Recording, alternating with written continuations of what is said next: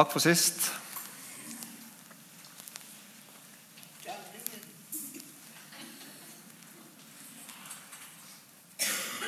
Jeg ble bedt om å tale om, eh, over tema relevant, og så fikk jeg to bibelvers. Eh, og Det første bibelverset var fra over 13,8.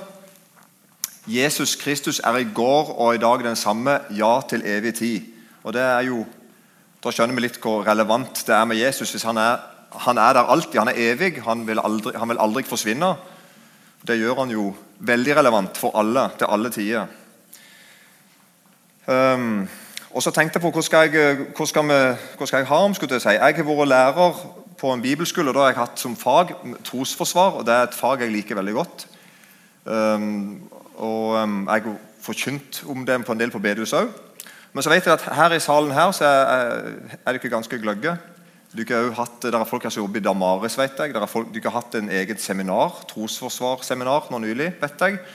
Så tenkte jeg at da skal ikke jeg stå og prøve å hoppe etter Wirkola. Um, da tenker jeg på sånn som at Er Bibelen troverdig? Er kristendommen troverdig? Um, ja, er det, er det, grunnlag for å tro på det som, som står i Bibelen, både historisk og filosofisk og på alle måter? Og det er viktig. Jeg tror ikke vi skal tenke at det er ikke så viktig. Noen tenker at de kristne de tror på hva som helst. på en måte. At Det å være kristen er liksom bare å skru av IQ-en eller kunnskapen, eller noe sånt, og så bare hive oss på en bølge og tror på hva som helst. Men det er jo ikke sånn. De kristne tror på Bibelen og tror på Gud. Det er en stor forskjell. Det kan se ut som vi tror på hva som helst, sånn sett utenifra, men det gjør vi ikke. Men i dag vil jeg stoppe litt med det andre verset som jeg fikk. Vi kan først bare se Hva betyr egentlig ordet relevant? forresten? Eh, I det store norske leksikon så står det at noe som er relevant, er vesentlig og av betydning for en sak. Så Vi skal i dag nå snakke om noe som er vesentlig og av betydning for en sak. Kjære Jesus, vær her med din Hellige Ånd fortsatt.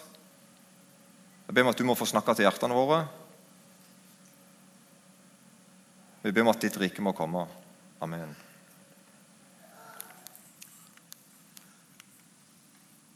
Det andre verset som jeg fikk, var Johannes 1, 29, ganske kjent vers, der Jesus sier Dagen etter ser han Jesus komme til seg. Det er altså døperen Johannes som sier dette. Eh, dagen etter ser han Jesus komme til seg og, sier Se, der Guds lam som bærer bort verdens synd. Og så har jeg da spurt under der er det vesentlig en, og av betydning for en sak. Eller er det, er det, relevant, om du vil? Ja, i høyeste grad. Og det vi skal se er at Døperen Johannes han setter nå Jesus inn i en veldig stor sammenheng. En ekstremt stor sammenheng. I en mange hundre år stor sammenheng. Det, det døperen Johannes sier mens alle de folkene rundt han står og hører på, det gir mening for dem, kanskje mer enn for oss. Det, det Johannes gjør, at han, han tar Jesus, som alle hadde sett og hørt om, og Særlig den tid akkurat da når Johannes døpte. Da ble det veldig fokus på Jesus. Folk begynte å ha mening om han, folk begynte å like han eller hate han, eller være interessert i han. Eller. Akkurat i den tid der så tar Johannes og setter Jesus inn i en veldig stor sammenheng. Og han innrømmer, vi skal lese det litt senere, han sier flere ganger 'Jeg har ikke kjent han', sier han, sier døperen Johannes. Noe som er veldig rart, for han var i slekt med ham. De, de skilte seks måneder, de to. Og Elisabeth, mor til Johannes, og Maria, mor til Jesus, de var venninner og, og slektninger og var gravide samtidig. Iallfall tre av månedene. Og faktisk var det sånn at når Johannes lå inn i magen på mor si, og Maria kom inn i rommet med Jesus i magen sin, så sparkte Johannes. Altså han, han reagerte på at Jesus kom inn i rommet. Så Her står Johannes 30 år etterpå og sier jeg kjente han ikke. Og Det vil jeg snakke litt med dere om i dag. For Den sammenhengen som Johannes setter Jesus inn i, det er denne sammenhengen her fra 3 Mosebok 16. Og Det er en grei huskeregel. Du har Johannes 3, 16, og så har du 3. Mosebok 16. To ganske like. Eh, det er den store bibelen den lille bibelen. skal man kalle det. Eh, for Her er altså den store forsoningsdagen. Gud innstifta en dag en gang i året på en helt spesiell måte, etter helt ned til millimeterpresisjon, hvordan de skulle gjøre det. En dag i året skulle altså israelsfolket få tilgivelse for alle sine synder. Og Inni her var det flere lam og, og okser som ble, som ble slakta etter en nøyaktig beskrivelse ifra Gud. Sånn skal du gjøre det, og sånn skal du gjøre det. Så var det en øverste prest. Han var ikke selv syndefri, så han måtte også ha et offer for seg. For, for, for, å kunne på en måte gå inn i det aller helligste og ikke dø der inne. Og så var det et skal vi ikke snakke så mye om de andre lammene, men det er en bukk vi skal se på. og Det er at Aron han skal legge begge sine hender på den levende bukken. For det er altså én som må dø. En bukk må dø. Men det er én bukk som lever. De kaster lodd om de to. Det minner dere litt om når Jesus ble kasta lodd om på, i påsken. Det ble kasta lodd om de to. og Den ene bukken fikk leve, den andre ikke. Og Aron la hendene sine på den levende bukkens hode og bekjente over den alle Israels barn misgjerninger og alle deres overtredelser og alle deres synder. Han skal legge den på bukkens hode og sende den ut i ørkenen med en mann som står ferdig. Og Bukken skal bære alle deres misgjerninger med seg ut i villmarken. Og så skal han slippe bukken løs i ørkenen. Dette var en ting som alle de folkene som eh, Johannes snakket til, visste. De hadde lært det og leste i, i de skriftene. De, dette var på en måte en del av hele, det var identiteten til folket. Det var, det var den, og det var den måten de kjente Gud på. Og Det var sånn de fikk tilgivelse. Gud har alltid vært nådig. Og Han har alltid vært nådig fordi at et, en uskyldig må dø i stedet for. Sånn at når døperen Johannes pekte på Jesus og sa «Se der er Guds lam som bærer bort verdens synd, så var det helt sånn automatikk bare med en gang. Jeg vet hva lam han snakker om. Og Du kan vel sikkert bli tenkt på flere lam. Det er flere lam i, den, i det gamle testamentet som har berga livet til israelsfolket. Det hadde ikke vært et israelsfolk uten et lam. Tenk deg i, Egypt, når hele folket for ut av Egypt. Så reiste de ut av én grunn. Det var et lam som ble slakta og som ble eten. Blod ble smurt på dørkarmene, og dødsengelen gikk forbi. Og På den måten så måtte farao slippe folket. To-tre millioner mennesker slapp fri. Hele identiteten deres Hele historien deres og hele folket er bygd opp rundt Gud. Har sendt Gud har, frelst dere, redd dere ut fra den ene tingen etter den andre. Store og små ting. Åndelige og menneskelige ting. Sånn at Når døperen Johannes peker på Jesus og sier 'Se der Guds lam', så tar Johannes og så putter han Jesus inn i Bibelen inn hos Gud Faderen og sier dette mennesket der er Gud sin sønn og er Gud sitt lam. Han er den store forsoneren. Han er den som skal en gang for alle dø. En gang. Og Derfor så triumferer Nytestamentet og sier at nå gjelder ikke lenger blod fra bukka og kalver. For nå har én gått inn i det aller helligste og dødd en gang for alle. Det er han, Jesus. Han er Guds lam. Og Det er et godt ord, det er syndebukk. Det er jo her det kommer ifra. Jesus er syndebukken, han som fikk skylda i stedet for noen andre. Jesus vil være syndebukken din. Og så er det så bra å se at Når, når da Aron hadde lagt hendene på hodet på han og bekjent alle Israels synder for Det gikk an, for Gud hadde sagt at han skulle gjøre det. Da var det en mann som hadde en oppgave. Han skulle følge bukken ut i ødemarka og være sikker på at han ikke kom tilbake. Du ikke skjønner, Så du får dere dine synder ligger på den, på den bukken. Og så er det en mann som følger etter og passer på at ikke han kommer tilbake igjen. Syndene dine skal vekk. De skal vekk ifra deg. Skylden skal vekk. Skammen skal vekk. Jesus bar dine synder vekk ifra deg. Ut i ødemarka og døde. Og så han Mannen som gjorde det, han måtte faktisk inn i en stor renselsesprosess for å få lov til å være med i festen etterpå. For det var fest etterpå. Når Gud tilgir synd. Så Det er det, det, er det døperen Hannes gjør. Han setter Jesus inn i den sammenhengen og sier han er Gud sin sønn. Han er den som profet, alle profetiene peker fram mot. Han er oppfyllelsen av alle ting som vi bare nå har sett på en måte stykkevis og delt. på en måte. Og midlertidig. Sånn står det i det vi las nå fra Johannes 1, fra vers 29. Dagen etter ser han Jesus komme til seg og sier, Se der Guds lam som bærer bort verdens synd. Og så fortsetter han. Det var om han jeg sa. Når da? I går. Det var dagen etter. Så i går hadde han, Dagen før hadde han en stor runde. Folk kom og spurte om hvem er du Hvem er det du snakker om. Hva er det du holder på med? Og Så begynte Johannes å si hva han holdt på med. Og Dagen etterpå da, så sier han det var om han jeg sa. Etter meg kom en mann som har kommet foran meg fordi han var før meg. Det er en bra setning. Og det er helt sant. Og det, det Johannes sier det Jesus er Gud. Han som han som kommer etter meg, for at Døperen Johannes var faktisk seks måneder eldre enn han, så han kunne egentlig si at jeg er eldre enn Jesus, men nei. Han er egentlig før meg, for han er Gud. Og Så sier han i vers 31.: Og jeg kjente han ikke. Merkelig. men for at han skulle åpenbares for Israel. Derfor er jeg kommet og døper med vann. Johannes vitna og sa, 'Jeg har sett Ånden komme ned som en due fra himmelen, og han ble over ham.' 'Jeg kjente ham ikke', sier han enda en gang. Men han som sendte meg for å døpe med vann, han sa til meg, 'Ham du ser Ånden komme ned og bli over, han er den som døper med Den hellige ånd.' Og jeg har sett det, og jeg har vitnet at han er Guds sønn. Så her er det altså en som har kjent Jesus i 30 år. Kanskje 31 år, jeg vet ikke, men ca. 30 år.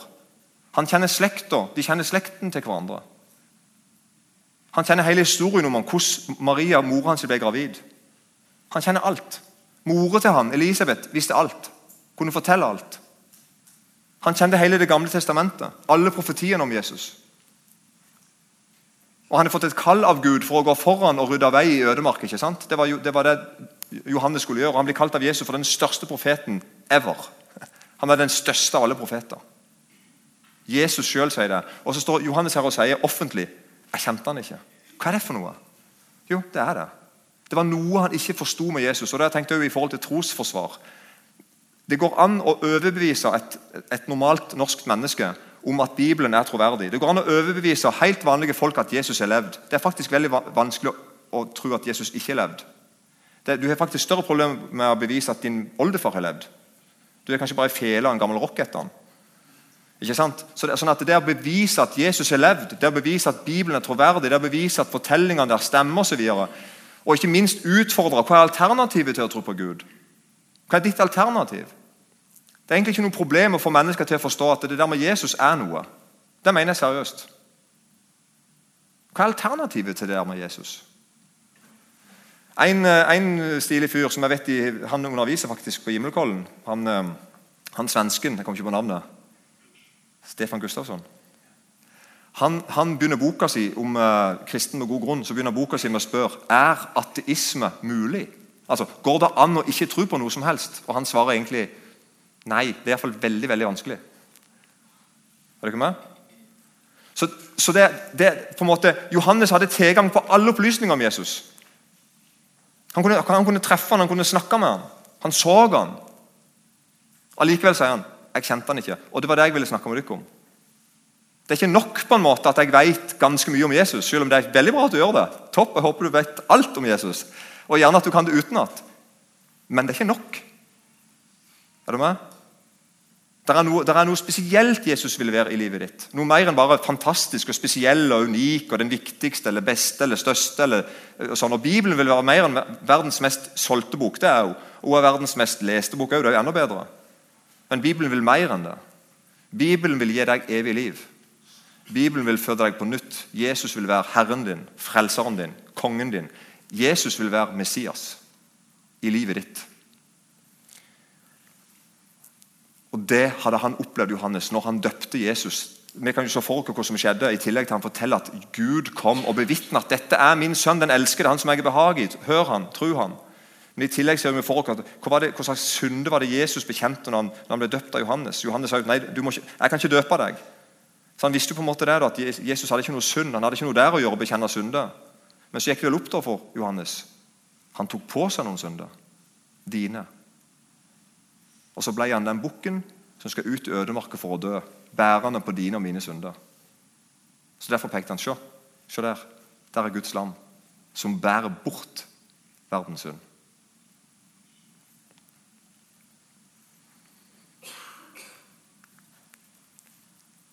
Så altså, Døper Johannes hadde kjent Jesus hele livet. Han kjente slekta, han visste Jesus var spesiell, han visste mye om Jesus, men likevel var noe han ikke visste. det vi snakket om nå. Noe viktig. Og Det viktige er Jesus er Messias. Jesus er Messias. Han er mer enn bare spesiell. Han er mer enn bare en som helt sikkert har levd. Og som helt sikkert gjorde veldig mange spesielle ting. Og som helt sikkert vi kan lese om i mange historiske bøker, deriblant den største av alle, nemlig Bibelen sjøl. Jesus er mer enn det. Han er Messias. Han er den som den, Det gamle testamentet sier skal komme for å frelse meg og deg. Det var ei gruppe på Jesus' tid som venta spesielt på Messias. For det at På Jesus' i tid så har det vært stille i mange hundre år. egentlig. Fra den siste profeten i Det gamle testamentet så det vel 400-500 år. Det var egentlig sånn ganske stille. Og Så kommer plutselig da døperen Johannes som en profet igjen etter mange hundre år. Egentlig, hva det skjedde i den tida der? Og Hva slags forventning var det til Messias da? Det vet jeg, det vet jeg så mye om, men jeg ser for meg at det var begrensa forventning til Messias. Men det, Vi har ikke hørt noe fra Gud liksom, på noen år. liksom. Så kommer døperen Johannes og rydder vei. Men på den tida var det ei gruppe som sa vi vil vente på Jesus, eller på Messias. Og Den gruppa de kalte seg for de utskilde, eller de på en måte de, de spesielt interesserte. Eller, altså, det, var, det, var positivt, det, var, et positivt ord de fant. Vi, vi som venter på Messias. på en måte. Vi som er, ikke lever sånn som de andre. Vi som er ekstra opptatt av Jesus og Gud. og sånn. Og De kalte seg da for fariseere, eller de som skiller seg ut. Eller de adskilte, eller de avsondrede. Litt forskjellig hvordan du vil oversette ordet. Det var ei gruppe på Jesus' i tid som ventet på Messias, og det var det vi kaller for fariseere. De tenkte at vi vil fokusere spesielt på, på det her med Messias. Tenk det. Merk deg én ting.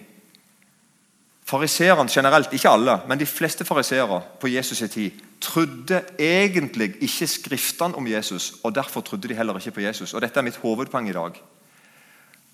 Fariseerne kunne alle sammen kunne Bibelen utenat. Og de kunne 6400 eh, regler til. bokstavelig talt. jeg tror det er det. I hvert fall en sånn helt enorm mengde. Og de, og de kunne det utenat. Og de, de, de, tok det nøye. Og Det var kanskje litt av deres problem. på en måte også, at de, tok det nøye på en sånn måte at de la noen egne læresetninger og tanker og meninger og ønsker inn i tekstene.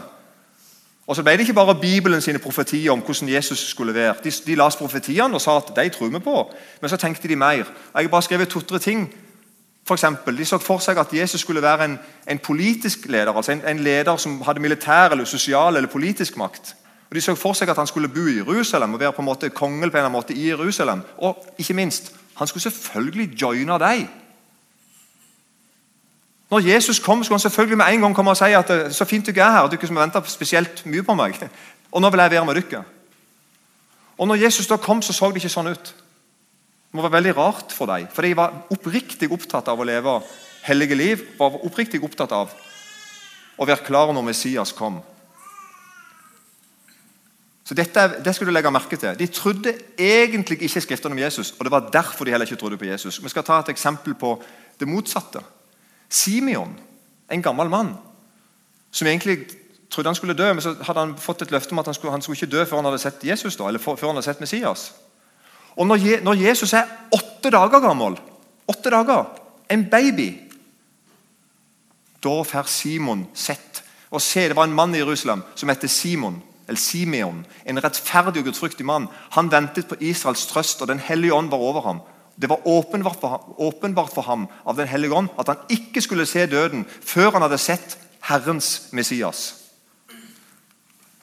Han kom til tempelet drevet av ånden. Da foreldrene kom inn med barnet, altså Josef og Maria, kom inn med barnet, Jesus for å gjøre med ham som skikken var etter loven, altså omskjære han den åttende dagen, tok Simon han i armene sine og lovet Gud og sa, 'Herre, nå kan du la din tjener fare herfra i fred etter ditt ord, for mine øyne har sett din frelse.' Som du har beredt for alle folks åsyn. Et lys til åpenbaring for hedningene og en herlighet for ditt, for ditt folk Israel. Simon kunne kjenne igjen Guds Messias i en åtte dager gammel baby. Hvorfor det? For han trodde Skriftene om han. Er du med? De andre som venter på Messias, stort sett, de venter på en svær konge med makt, med autoritet, med respekt med en hvit Mercedes eller en hest. eller hva de hadde for noe da. Skjønner du? Altså, så for seg altså, en, som hadde, en som kunne se, Sånn ser makta ut. Sånn ser konger ut. Sånn ser herskere ut. ikke sant? Det var det de gikk og kikket etter. Jesus hadde sagt hva han var. Han skulle ri inn på et esel, skulle ikke ri inn på en hest. Han skulle være ydmyk. Han skulle bli hata, han skulle bli drept. Men de så etter noe annet. Men Simeon han så etter det rette. Fordi han var fullt av ånden, og det vil si Guds ord. Så når han så Jesus, så kjente han den igjen med en gang. Her er Jesus. Nå kan jeg dø. Nå har jeg sett Herrens frelse. Nå, nå er det ikke noe mer. Er du ikke med? Så Et av de store kjennetegnene på, på Messias det, det, var at Messias må kunne drive ut onde ånder. Og Det gjorde Jesus.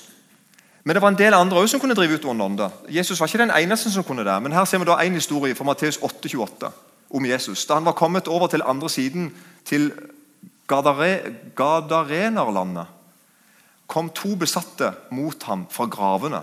De var meget ville, så ingen kunne komme forbi dem på veien. Og se, de skrek ut, 'Hva har vi med deg å gjøre, du Guds sønn?' 'Er du kommet hit for å pine oss før døden?' Så jeg bare skyter inn der en parentes. Til og med de vonde åndene vitner om at Jesus er Gud og Messias. Ikke sant? Til og med de visste det. Her kommer han som har all makt. Han som en dag skal pine oss. Så roper de er du kommet før tida, liksom. Nå gikk det en stor svineflokk og beita et godt stykke fra dem. og De onde åndene bønnfalt ham og sa, dersom du driver oss ut, så send oss inn i svineflokken. Han sa til dem, gå. Og De for ut av mennene og inn i svinene. Og se, hele flokken satte utfor stupet og ned i sjøen, og de omkom i vannet. Kan du tenke deg å se på dette her? Hæ? Men gjeterne tok flukten og dro inn i byen. De, der fortalte de alt sammen og hva, og hva som var hendt med, med, de besatte. Og se, Hele byen kom ut for å møte Jesus, og, de, og da de så ham, bønnfalt de ham om å dra bort fra bygdene deres. Skjønner du? De kjenner han ikke igjen når han kommer en gang. De kjenner han ikke igjen når han gjør det som Messias gjør. Og de blir redde. Frykt.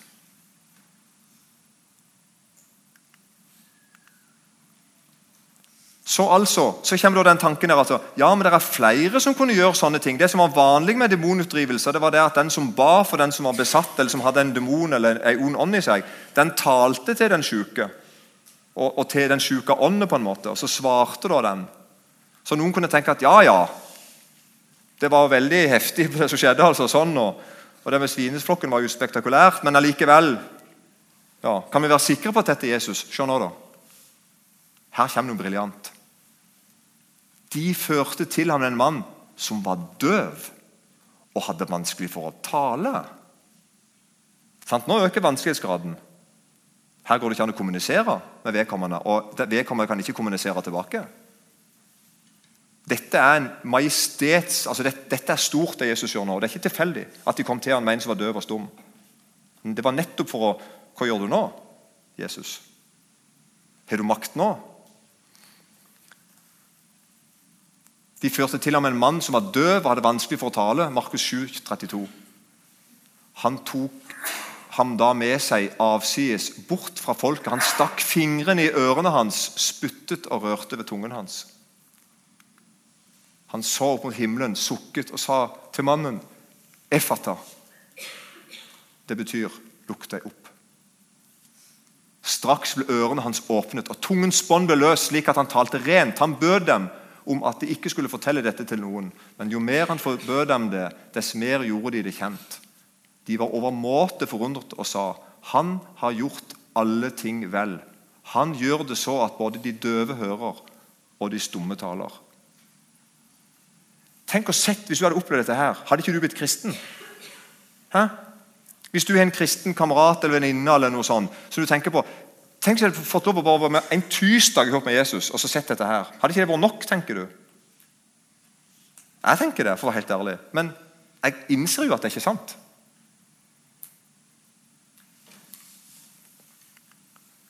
Nå må vel alle tro at Jesus er Messias? Seriøst? Nei da. De legger planer om å drepe ham. Merkelig.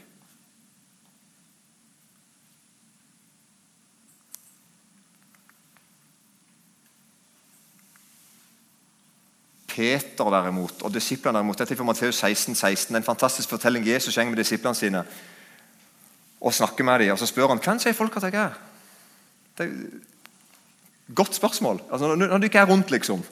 Hvem sier folk at jeg er? Når ikke jeg hører på, hvem sier folk at jeg er? Og Så svarer, svarer disiplene til alle sier at du er noe bra. Du er ditten og du er datten. Det er profeter. sånn store, ja, Alle sier at du er, du er noe svært nå, altså. Ikke sant? Det var jo ingen som sa ja, det er noen som tror du ikke fins. Ingen, ingen sa jo det.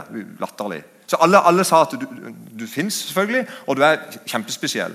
Og, og, og sånn, Du er en, kanskje profeten Elia, f.eks. Stor, stor profet. Og Så ser du at Jesus blir på en måte bedrøvet over svaret. Og så sier han, men dukker da? Altså sånn, menn, menn dukker da. Hvem sier dere at jeg er? Og så svarer Peter. Du er Messias, den levende Guds sønn. Det er en enormt vitnesbyrd. Og Det skiller seg ut fra nesten alt. og Jesus bryter ut skulle si, i lovsang og sier at dette har ikke du kommet på sjøl. Dette er det Gud som er åpenbart for deg. Bare les det i Matteus 16. Det har skjedd et under med deg, Peter, og med dere andre lærersveiner. Du har ikke sett hvem jeg er. Du har ikke sett forbi alt det fantastiske med meg som ingen kan på en måte unngå å se. Du har ikke sett det viktigste med meg, e, det egentlige med meg. Og jeg begynner å forstå at Hadde jeg, levd, hadde jeg vært sammen med Jesus når han levde, så hadde det vært veldig vanskelig å trodd faktisk på en god del ting rundt det med Jesus. Han var så altfor menneskelig. Han åt og drakk og var lei seg og smilte og sov. Og, er du med? Det var liksom ikke sånn vi kanskje ser for oss at Jesus er. Og det var jo problemet til mange. Jesus er Guds sønn. Den levende Guds sønn. Han er frelseren din. Han kjenner deg. Han elsker deg. Han gikk i døden for deg. Han er syndebukken din. Ser du det, skal jeg si? Mange gjør det, heldigvis. Mange millioner gjør det. Bare en ting om tegn under. Hva er egentlig det? For Det hører litt det for meg hører til litt i dette temaet her om at Jesus kan overbevise oss hvem han er. For Jesus viser oss noe veldig viktig. At underet er tegn. Særlig uh, Johannes, evangelisten Johannes han bruker ordet 'tegn og under' konsekvent. Eller bare tegn om under. Sånn at underen, Når underet er, gjør noe viktig i seg sjøl, f.eks. helbreder noen, metter noen? Hjelpe noen, trøste noen. Underet har en misjon i seg sjøl, men så er det noe mer. Det et, Jesus vil fortelle noe mer enn bare å, bare å gjøre et under. Bare å hjelpe noen. Og Her ser vi etter Jesus er metta 5000. Og så Her er da dagen etterpå, der folk er sånn helt i ekstase. Mange mange tusen helt i ekstase ved Jesus. De hadde opplevd sånn helt beviselig. Vi var en plass langt over butikken. og, så, og, og og, og, så var vi sultne. Og så var det velsigna Jesus noen få ja, en liten mat, nistemat, egentlig. Og så ble det nok til alle. Og Neste morgen så, så, så de at Jesus hadde ikke reist med båt. Det var ingen båter som var reist vekk utenom disiplene sin båt. Og så de likevel, Jesus er ikke her. Da hadde han altså gått på vannet to-tre kilometer og så opp i båten til disiplene. Så bare det er litt sånn spesielt. Og Så traff de han dagen etterpå, og så sier Jesus sånn Sannelig, sannelig, sier dere, dere søker meg ikke fordi dere så tegn, men fordi dere spiste av brødene og ble mette. Jesus syns ikke det var, ja, det, var ikke måte, det var ikke det han bare ville, at du ikke ble mett i går. Jesus vil noe mer. Har du opplevd dette? her? Jesus vil noe mer. Han vil ikke bare hjelpe deg i dag, vil ikke bare høre på det du hører si til han i dag, og hjelpe deg ut med dagen og trøste deg. og sånn. Han vil, han vil djupere, han vil noe mer. På en måte noe annet. Han vil frelse deg. Han vil tilgi deg syndene dine, han vil reise deg opp, han vil gi deg en ny sang i hjertet ditt. Han vil ta ifra deg skammen du har, skylda du har.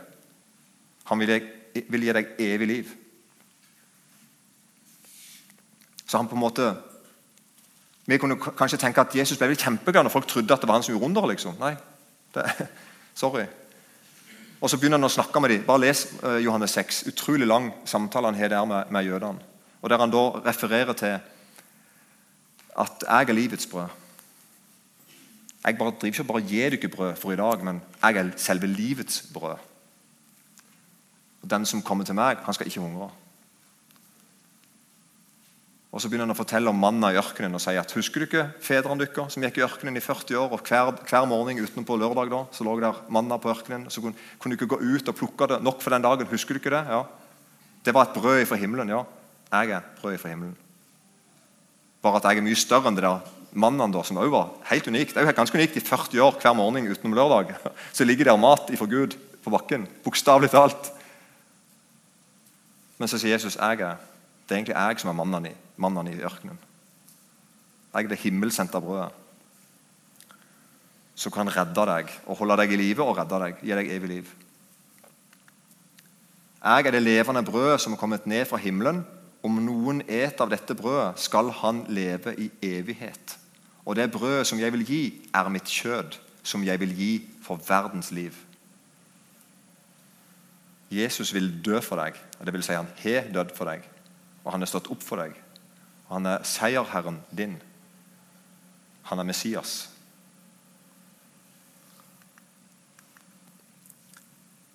Så tegnene skal vise oss Messias. Her står det Johannes 20. Det er det nest siste kapittelet i Johannes. så Helt til slutten av det siste kapittelet i to siste versene så på en måte sier Johannes noe om hvorfor har jeg egentlig skrevet Johannes evangeliet. De 19 forrige kapitlene, om du vil. Um, også mange andre tegn gjorde Jesus for disiplenes øyne. Tegn som det ikke er skrevet om i denne boken. Men disse er skrevet for at dere skal tro at Jesus er Messias, Guds sønn. Og for at dere ved troen skal ha liv i hans navn. Så vet vi det. Det er det Johannes vil. Det er det Gud vil. Det er det Den hellige ånd vil.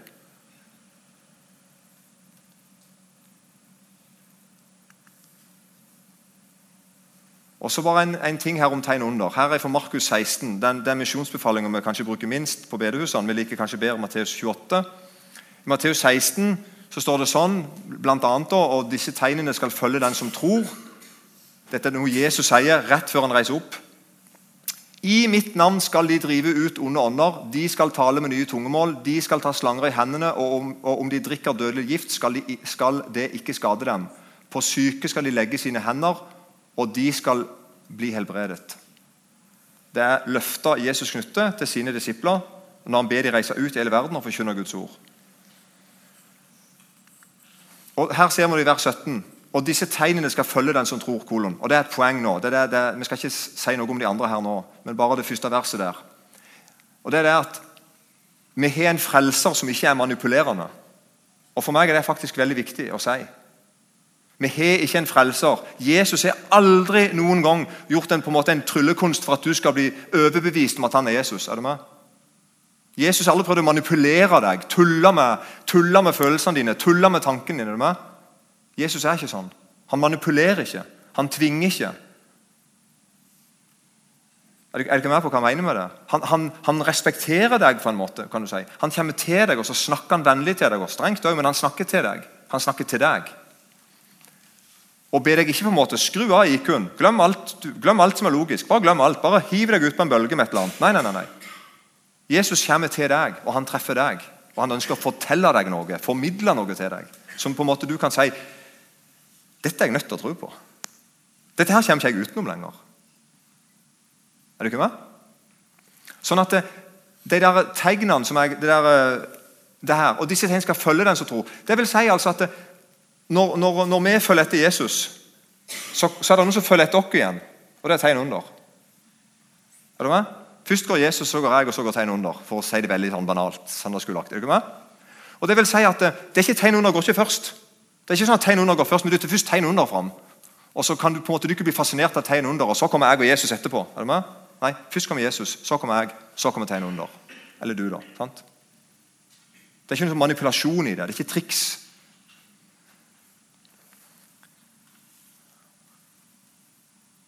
Jeg vet ikke om du syns dette er stort, eller sånt, det kan bare være det. Jeg synes det er stort. Jeg, jeg er så glad for at Jesus ikke manipulerer. Jeg er så glad for at Jesus har en slags, ikke en slags, Jesus har respekt for meg og deg. Han snakker til oss. Han bryr seg. Fattelig, altså. Gud sjøl. Så derfor er det jo sånn at Vi dytter det ikke på noen. Dette er veldig viktig. Vi tvinger ikke folk i kne. Vi gir det Jesus. Vi forkynner Kristus, vi forkynner Guds ord, vi forkynner alt som står der. Og så kan menneskene til hvert se Oi, se der er jo Jesus. Han er jo Guds lam som bærer verdens synd. Og bare sånn, En liten sånn rar ting der I Johannes 7,5 så ser vi for heller ikke brødrene hans trodde på ham. Altså I familien til Jesus, hans sine halvbrødre og søstre òg, så står det at de, de, trodde ikke på ham. Altså det vil si, De trodde jo at han var, de at han var der, altså, men, men, de så ikke hvem han var. De gjorde det senere. Så det sier bare litt om altså, Tenk til og med være, leve, vokse opp i lag med en bror som aldri gjør noe galt. som er hellig, som er ren, tvers igjennom, som er Gud sjøl. Og så sier de vi trodde ikke på han. Men de trodde på han etter hvert, da, når de så hvem han var. Sånn er Jesus i dag òg. Det er en haug med folk som tror Jesus har levd, som tror at Bibelen er sann. Det er faktisk veldig vanlig å gjøre det, for å være helt ærlig. Hvis du gidder sette deg inn i det. Men det er likevel mange av de som på en måte har bare Jesus på det, på det planet der. Men Jesus vil være Messias i livet mitt og ditt. Så oppsummert, siste vers du kan komme fram, dere som skal synge. Um, fortellingen i Bibelen etterlater ingen tvil. Under er tegn, og tegnene henger sammen med ordet. De som tror på ordet om Jesus, de ser Jesu under. Har dere med på dette her? Sånn som han Simon han så en baby på åtte dager og så så han at dette er Messias. Fordi han trodde Guds ord om han. Så Det viktigste jeg og deg har, det er at vi har Guds ord. Du har det tilgjengelig. Og Når du leser det, så møter du Messias.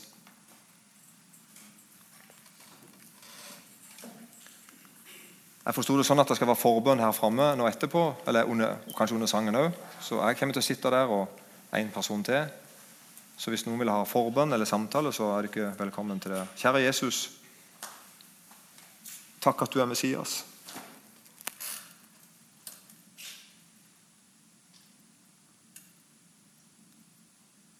Takk at du er Messias.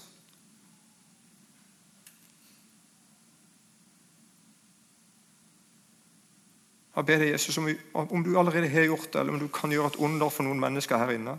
Ta ifra dem skyldfølelsen sin, skammen, syndene, fortida, historien. For det at du er syndebukken. Jeg priser deg for det, Jesus. Takk for at du har respekt for oss, at du snakker til oss. Du kjenner oss, du vet hvem vi er, du vet hva vi trenger.